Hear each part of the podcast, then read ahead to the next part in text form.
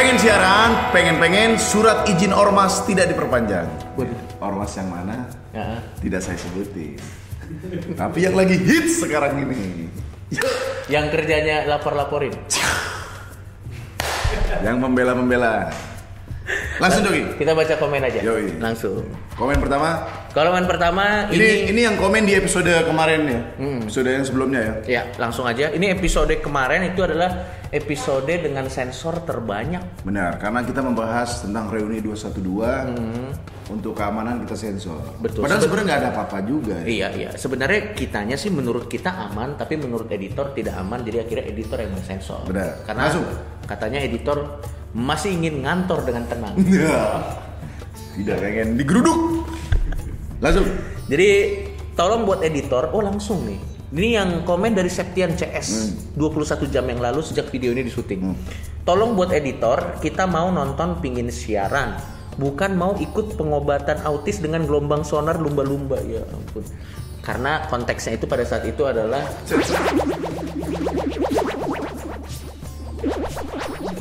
Bisa autis pakai lumba-lumba. Enggak, tapi memang ada Oh. untuk teman-teman kita yang uh, mentally challenge itu dia tuh berenang sama lumba-lumba. Sumpah gua nggak bohong ada. Bener, ente jangan- Itu terapi.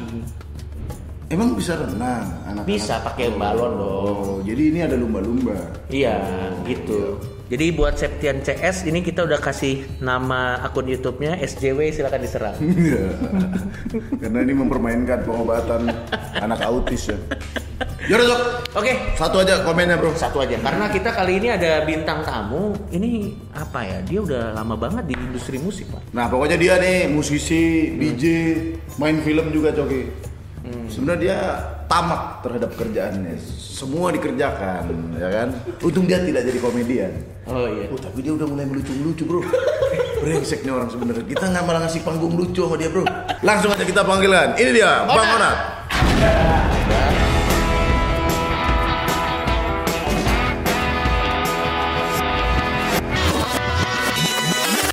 Nah, sekarang kita sudah bersama Onat. Yes, Gimana kabar? Apa kabar? Onat? Baik, baik, bro. baik, baik. baik banget gue. Onat, lo kalau misalnya Seru deh.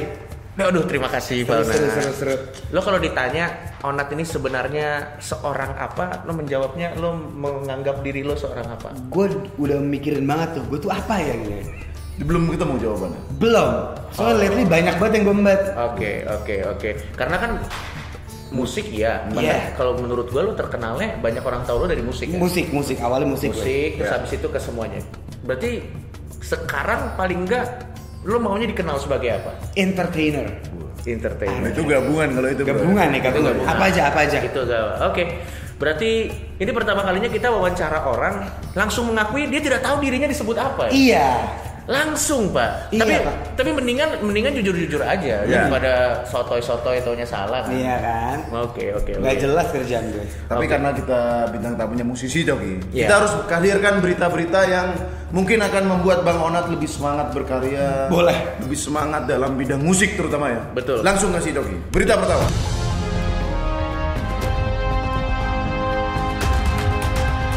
Ini dia berita pertama, tujuh musisi kondang yang mengakhiri hidup dengan bunuh diri. Aw.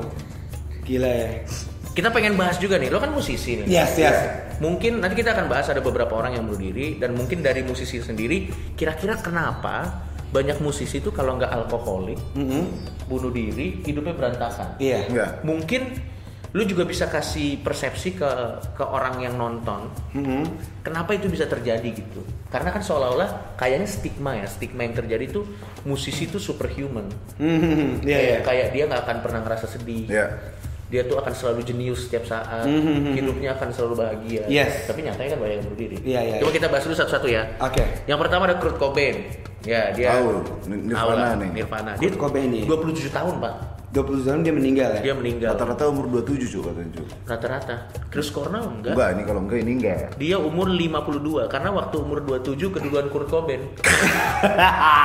Jadi harus waiting list lagi buat. Iya, waiting Wih, list list lagi. Iya, iya, iya, iya. Ini atau bener nggak bahwa musisi itu kemungkinan depresinya lebih besar dari Kalau kata gue iya, karena gue juga ngalamin sampai saat ini. Sem serius loh. Jadi ketawa-tawa ini depresi. iya iya enggak enggak enggak. Banyak hal yang membuat gue depresi karena gue Oh, banyak. karena gue menganggap musisi itu kerjaannya tidak pasti satu.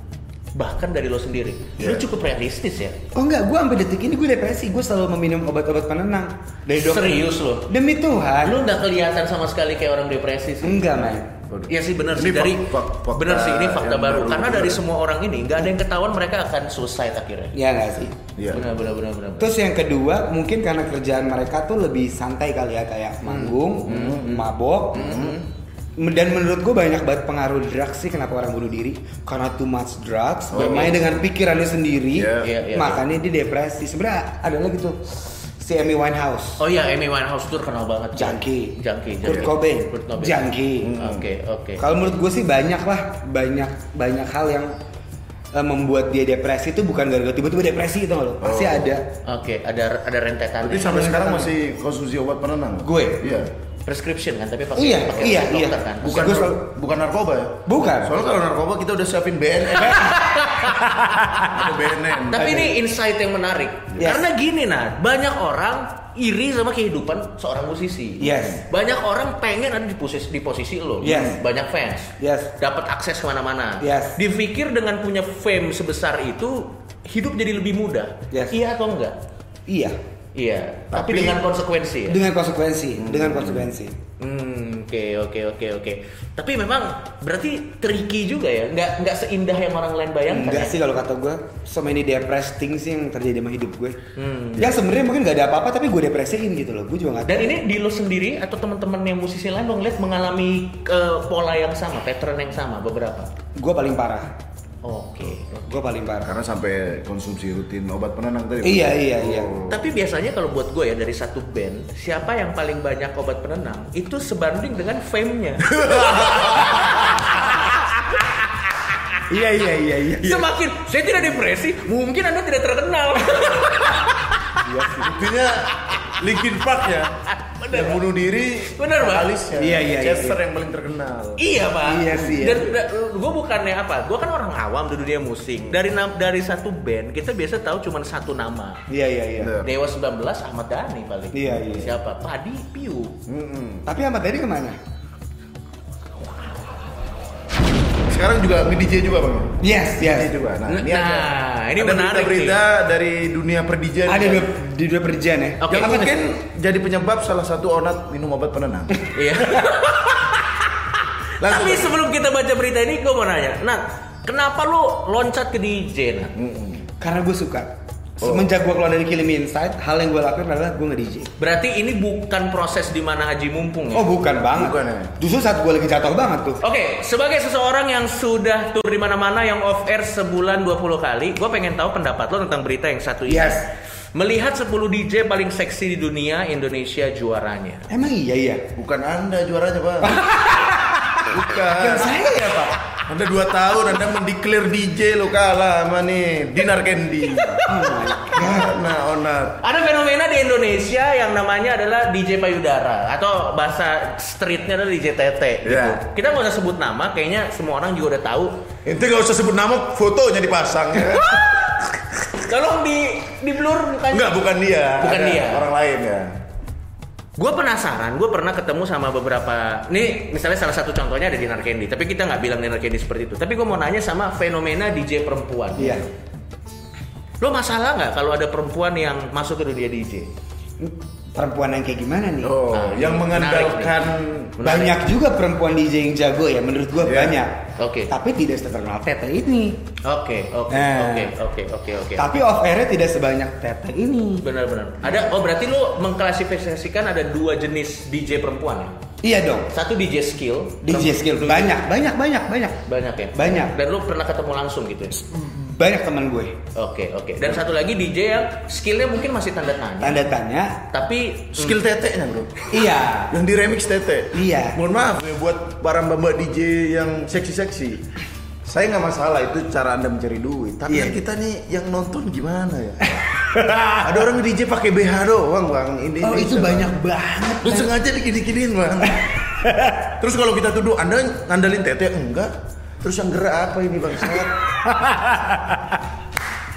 Ini DJ gini-gini kan kan nggak masuk akal ya harus dicurigai. Iya iya dicurigai dicurigai. tapi menurut lu eh, fenomena oknum-oknum yang menggunakan tubuhnya untuk ber-DJ ini merusak nama DJ itu sendiri nggak sih? Kalau gue sih sempet agak malu lu kayak misalnya bonyok gue gitu ya atau teman-teman gue yang awam DJ. Ya. Oh, I see. Lu ngerti nggak, Gua Negatif, ngerti, negatif. gua Jadi ngerti. ja- jadi kurang pak. Padahal sebenarnya lo tau scene-nya nggak kayak gitu kan? Enggak banget, sin gue keren banget. Oke, Ya. gua paham, gua paham. Jadi pada oke, gua ngerti. Ah, kacau juga ya. Kacau banget sampai gue tuh di luar kota tuh sama bini gue ngomong ini apa nih DJ? BH, lu bayangin nih BH, kolor, kacamata hitam, terus main. Lu kacamata hitam mau ke mana kacamata hitam? Gue sampai kayak, hah? Abis dia gue dan yang paling pecah kan gue main di Second City ya, Iya, iya. di Purworejo gitu. Iya, iya. Oh. Udah rame banget pak, Yang tete-tete ya? Rame banget pak. Oke, oke, oke, oke. Dia rame banget. Enggak dia DJ beneran apa nyetel Winem tuh bang? Kayaknya lebih ke nyetel YouTube pak. Bebas. Bukan winner YouTube, anjing. Udah gitu makanya lu jangan kaget kalau DJ gitu nyetel itu ada ada eh, DJ adalah Cendekiawan. Iklannya belum di skip. Lupa skip iklan. Enggak. Kita akan ada berita. Iya. Seorang musisi juga. Hmm. Ini idola, idola sampean pak. Siapa?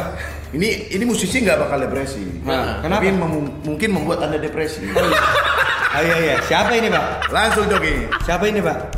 Ini dia. Oh fuck. Ya, ini. Ini dia selain YouTube ini 5 sumber penghasilan yang Lex. Oke. Heeh, dia musisi dong. Dia musisi bukan sih? Dia kan bikin lagu. Iya. Enggak gini. Pengertian musisinya apa dulu? Kalau pengertian musisi bikin lagu ya dia bikin lagu. Oh dia bikin lagu ya? Dia bikin lagu. Lagunya keren nggak? Saya suka nih Emang pancingan-pancingan. anjing nih Lah kan gue nanya. Enggak gini, gue ada di posisi dulu karena gue kebetulan kenal beliau. Iya. Sama gue juga kenal. Gue kenal kok orang dia datang ke premier film gue. Oh, Pas Datang- waktu itu ya. Datang dia. Terus dia nontokin fansnya waktu itu. Ada Oh. fansnya. Di premier nggak tahu deh. Nunjukin fans di premier anda. Iya pak demi Tuhan lo tanya dia kalau ketemu. Dia ke premier gue duduk terus tiba-tiba nyamperin orang. Eh lu yang ngomongin gue waktu itu ya. Tapi emang Tutup, ditonjok. Mas. Ditonjok katanya. tapi emang Lex agak random. Ya nggak apa-apa, emang itu dia begitu. Iya iya. Dia dia kan manusia konten gue nyebutnya. Di mana ada konten hadir. Mau kampung mau nggak, gua di situ. Terus gue pernah denger dia itu interview sama Magna Talk, Pak. Iya. Eh, si Magna Talk tuh nanya. Iya, iya. Gue juga bingung Magna Talk itu adalah salah satu podcast paling nyampe. Oke. Menurut gue yang diundang nyampe, kenapa bisa ngundang dia kan? Oke. Tanya nih sama si Magna Talk. Heeh. Lu mau gak sih bikin rap yang keren kayak siapa namanya Beb? Ra- eh, Ramen Girl Ramen Girl. atau kayak Rich juga gini. Terus jawaban gini. Ya tapi Ramen Girl bisa beli Mercy S Class nggak? Ya elah otong. Kaya-kayaan lu. Maksud lu, lu ngerti gak sih? Kita tuh lagi ngomongin kual- quality nih. Oh iya iya iya iya. Gue bukan ngomongin kaya, berapa deposito lo. Dua hal yang berbeda ya? Kalau itu mah uya. Gak ada, gak ada yang bisa ngalahin. Gak ada yang ngalahin. Gak ada yang bisa ngalahin. kita kita lagi nanya kita lagi nanya masalah quality lo mau gak sih bikin lagu yang begini jawabannya gitu pak tapi dia bisa beli Mercy S Class nggak gitu pak Ditanya apa jawabnya apa. gitu pak iya dah lo punya Mercy Iya, iya. karena dulunya office boy Oh. jadi pas kaya kayak uh kaget Sabar bang, sabar bang. Anda- Iya, iya. Ini bukan IO Second City loh. enggak gue kurang suka sama orang yang memamerkan gitu loh Oh, suka Oke, pamer. bukan masalah beli Mercy-nya. bukan ya? maksud yang punya Mercy juga banyak pak Iya iya iya. Oke oke. ya oke. nggak? saya juga punya Alphard di rumah tapi saya nggak ngomong-ngomong Barusan ngomong dong. Oh, iya. Tapi kan dalam konteks tertentu. Tertentu. Bukan Tidak. yang sedang ditanya. Bukan gini, ya tapi dia bisa beli Alphard enggak? Bisa beli Camry enggak gitu? Enggak kan, Pak? Konteksnya tuh aneh. Iya. Pas gue denger di Magnato karena karena kemarin pas gue si reunion itu diundang. Sama si Magnato. Ah, ah, ah. Terus dia ngobrol lah tentang ini. Eh, iya gue kemarin undang yang Lex tuh gitu. Kan gue kan gue penasaran dong. Eh, dia, dia tuh nyadar gak sih kalau dia kurang gitu kan?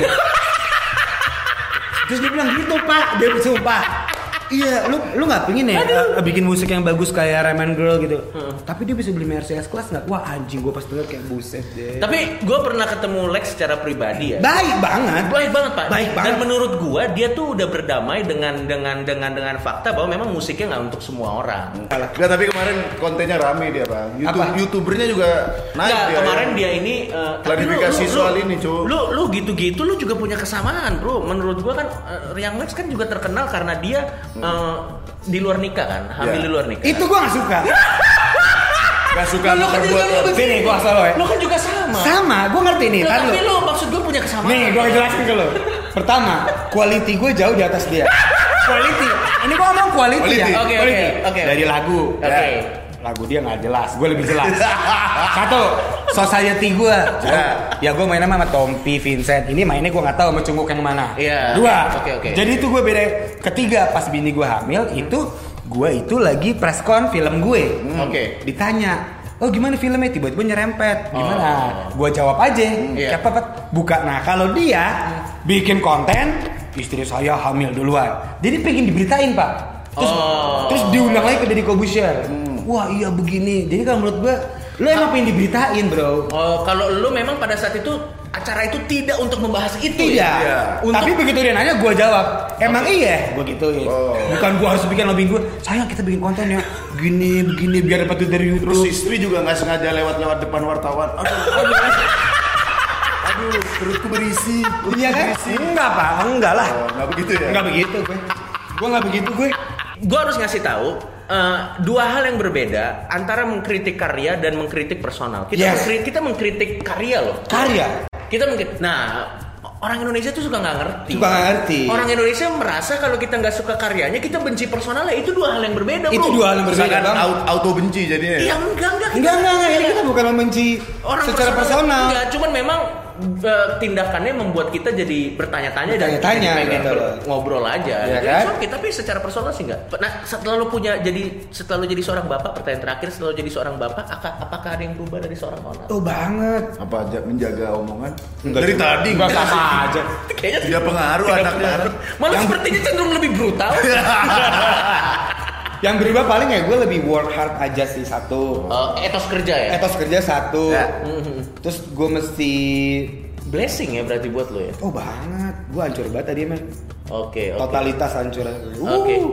Oke, oke. Berarti menurut gue setelah dia jadi seorang bapak, kayaknya hidupnya bukan buat dia, Pak. Jadi buat anaknya, Pak. Iya dong. Oh, iya. Jadi makanya dia lebih menjaga, makanya kan jadi lebih total sama karyanya kan. Iya. Karena gua rasa sih dia udah don't give a fuck ya kalau sama dirinya dia kan orang aja nggak didengerin, ngerti nggak lu maksud Iya, gua? iya, iya, iya, lo ngerti gak sih? Tapi kalau sama anak kan pasti kan udah beda kan. Beda, beda, beda, kan. beda, Ya beda. biarin lah gue yang hancur tapi anak gue. Oke. Terakhir promo lagu Yes, jangan lupa Lain. jam 5 sore. Heeh. Eh ini gak bakal tayang hari ini dong. Nggak bakal Enggak. tayang hari ini, tapi lu bisa kasih tahu aja mau Oh ya, denger di mana. jangan lupa sebenarnya hari ini di video ini kita lagi shoot. Ya. Hmm. Jam 7 malam kita uh, bakal Rilis. premier lagu Liong featuring Danila. Ya. Oke. Judulnya Fiksi yang Indah. Heeh. It's gonna be awesome. Oke. Li- Liong band baru ya? Band baru gue Liong Oh, sama Okin nih. sama Okin. Salam sama Okin bang. Iya, siap, siap. Gak seneng saya, mukanya gak seneng bang saya. Kenapa emang? Kayak orang kaya di sinetron. Tapi emang orang kaya, Bang. iya, tapi kayak di sinetron bang. Iya, iya, iya, Yang iya. namanya Bagas gitu yang yang orang miskin. Hei miskin gitu kan. Maaf bang Okin. Kenapa ada orang kayak di sinetron anjing? Enggak mukanya bro kayak songong. Kenal dulu pribadinya, Iya. jangan nilai iya, muka. pribadinya nggak apa-apa. Mukanya doang serius, terlalu serius. Iya, iya, iya. Jam 7 apa nama lagunya?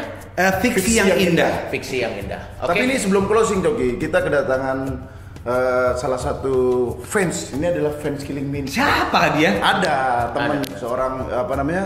Dia sempat kecewa kenapa Killing Me Inside bubar. Bubar. Oke.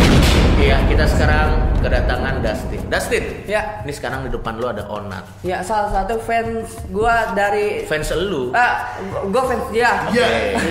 Iya, gue fans dia dari zamannya memang benar-benar berdiri sebagai seorang musisi. Yes. Nah, salah satu lagu yang paling gue suka itu yang Common Girl Will Burn Money on Vegas. Coming girl Ah. will burn money Will on Burn Vegas. Itu menceritakan lagu yang tentang uh, cabai-cabean Vegas yang bisa diajak ke mana pun asalkan dapat Vegas? cuan kan Pak ya. Ya, bisa, bisa. Bisa kan? Ya udah bisa, Ah. bisa. Ya, bisa juga sih. Satu bisa. Nah itu saya suka banget dengan uh, upbeatnya yang tempo dengan cepat. Cepat. Itu bagaimana anda bisa menggarap lagu seperti itu, Bang Bung Onat? Karena kita memang dulu uh, Ah. workshop aja sih. Workshop. Workshop. Kenapa? Ah. Jawabannya tidak se brilian yang anda pikirkan. Iya, iya. Nanti jawabnya bener banget anjing juga. Tapi Kita workshop dan Ah. lagi suka lagu kayak gitu aja sih. Ah. Dan yang saya suka itu Bung? Onat itu kan orangnya uh, benar-benar memiliki menjaga tubuh yang sehat tuh Pak. Enggak juga. Siapa dari mana lu berantakan begini? Info dari mana? ah, nih, Kenapa? ada, Alasannya kenapa? ada ma- perokok kan? Perokok? Nah, perokok herbal pasti. Enggak. Lah itu bikin clothing tobacco kok bisa menyeberang dari yang Bapak lakukan saat ini, Pak? Lu ngomong apa sih, Jing? Tobacco tembakau herbal kan, Pak? Tobacco ya tobacco tembakau. Tembakau. Ah, yang lebih lebih ke arah herbal. Enggak. Enggak. Tapi kalau dari Google kok bisa mengartikan seperti itu, Pak ya? Google yang salah. Tobacco ya tembakau. Oh, Tembakau tembakau. tembakau. Aja. Cuman uh, Kalau herbal cimeng. Tapi bener, bener, dong. bener, bener, technically bener. Tobacco itu artinya tembakau. Tembakau. Iya, bener, Kalau bener, herbal, bener, bener, herbal herbal. cimeng. Namanya apa? Oh, cimeng. Iya. Iya. Ada pertanyaan lain? Nah, kan Bapak kan waktu tahun berapa yang 2007 atau Eh, 2006? 2008. Ah, Ah. lagi geser-gesernya akhirnya keluar dari situ. Iya. Nah, itu kenapa, Pak? Ya bisa terjadi persimpangan seperti itu, Pak. Oke, mungkin pertanyaannya adalah kenapa lo keluar dari Ah. sini? Gitu kali. Bangsat susah Bangsat. amat anjing. Ya karena memang gue banyak kesalahan juga dan Ah. gue udah nggak serak sama lagunya. Oh. Karena bener kata Coki tadi pertama, s- bertambahnya usia lu kadang-kadang lu makin eksplor lagu, Iya. fans nggak terima. Iya, iya, iya. Itu doang alasannya. Berarti Bapak kan dari yang Sirimo Hmm. ah, terus ke DJ, lalu yang terakhir Liong. Hmm. Nah, Liong itu bergenre agak jazz atau ke ah, alternatif? Sebenarnya lebih ke pop jazz santai 90s pop easy listening. Anjing, Oh. anjing berarti lu petualangan genre banget. Wah ya? parah, gue parah. Gue metal iya, DJ iya, pop iya. Berarti agak polygendry apa ya? Hah? Apa? Polygendry, memegang banyak genre. Oh, poli Iya, maksudnya banyak. cuman genre poligami, tetap easy listening tapi nuansanya 90s. Ah, Poly genre istilahnya. polygendry. Polygendry. Nah, sekarang kan Bapak banyak tanya nih pak. Nih, eh, pertanyaan terakhir. Terakhir, terakhir. Nah, Apa itu, Pak? Terakhir. Nih, gua kan istilahnya sudah melawan buana ke sebuah gig nih, Pak. Oke. Ah, Apa itu? Dan yang sangat disayangkan, Bapak pernah mengisi acara di tempat itu, Pak, di Hmm. event itu. Jacklot kan sekarang kan sudah tidak adanya acara musik. Yes. Ya. Istilahnya itu Jacklot itu musik sebagai nyawa dan uh, bazar-bazar sebagai raga. Hmm. Apabila musik itu hilang di Jacklot, maka Raga uh, tanpa nyawa. Raga tanpa nyawa Ya. istilahnya kayak patung Ramayana, Pak. Gitu. Iya benar. Iya, Karena iya. itu raga doang gak ada nyawanya. Iya, iya, iya, iya. Patung Ramayana. Jadi uh, untuk Bung Onat semestinya uh, setujukah misalkan Jacklot ada uh, dari Tanpa uh, musik. de- dengan musik kembali hadir di sana. Ya, saya bukan itu bukan ranah saya. Uh, Cuma semisal Pak, soalnya banyak uh, musisi-musisi yang bermunculan. Kayak saya tahu juga uh, langsung live nonton pertama kali dari Apa? sana. Oh dari Jaklot. Ah, ah. nah, uh, menurut Bung Onta sendiri setuju kah kalau misalnya Jacklot diadakan lagi musik dengan bajar Dengan ada musik perpaduan lagi. sama, Iya. ah. Karena Jaklot itu yang Iya. punya itu udah hijrah. Ah, ah. Oh. Jadi agak berat topiknya. Oh iya Bang Ucok tuh ya. Ya, Iya. jadi emang itu udah? Perpilihan personal ya. Itu udah pilihan personal. Dia sudah hijrah, Ah. sudah tidak ingin menurut dia musik itu diajarannya haram. Iya, iya, nggak dia masalah. tidak akan, dia nggak masalah. Jadi makanya gue nggak tahu, gue pengen ya pengen, cuman itu bu- bukan punya gue. Iya, istilahnya Bang Onat pengen supaya semoga ada lagi di Jacklot Ya, dan yes. Bang Onat uh, siapa tahu proyekan Anda semua bisa main di sana Di mana? di Jacklot. Iya. Apabila Iya, ini terkonfirmasi sama Bang Ucok. Iya. Ya, Nanti ngobrol nanti killing mindset tahu nggak artinya apa ente? pembunuhan menikam ya Pak ya? Dan Pembunuhan menikam. Iya. Bunuh aku dari dalam. Oh, berat. Pantes banyak personelnya yang buat batu loncatan dari situ, Pak. Ya? Onat, Ya. thank you banget ya lu mau Eh, gue seneng, gue yang seneng man. Bang, Thank you kalau ada ya. konten-konten YouTube butuh-butuh kita siap. Langsung Beneran aja ya? Iya Gua bener. kabarin lo pasti ya. Kita akan langsung karena kita tahu eh, Pak, jadwal manggungnya Onat sebulan bisa 20 kali. Dia mau menyempat. Sebenarnya kita waktu itu harusnya syuting kemarin tapi dia dari Pontianak. Iya, ya, sakit gue. Jadi kita nggak bisa. Jadi kita sangat mengapresiasi. Pokoknya terus lakukan apa yang lo suka Nat. Eh, thank you banget, man. Lu adalah salah satu bukti bahwa jadi apa adanya tetap bisa kok. Ya. Nggak harus nggak harus sell out kok. Yes. harus sell out sama industri. Paling jadi musuh IO Jangan lupa subscribe channel ini biar kami dapat AdSense buat bayar pengacara kalau video ini kena kasus. atau kita kabur ke Kanada. Subscribe.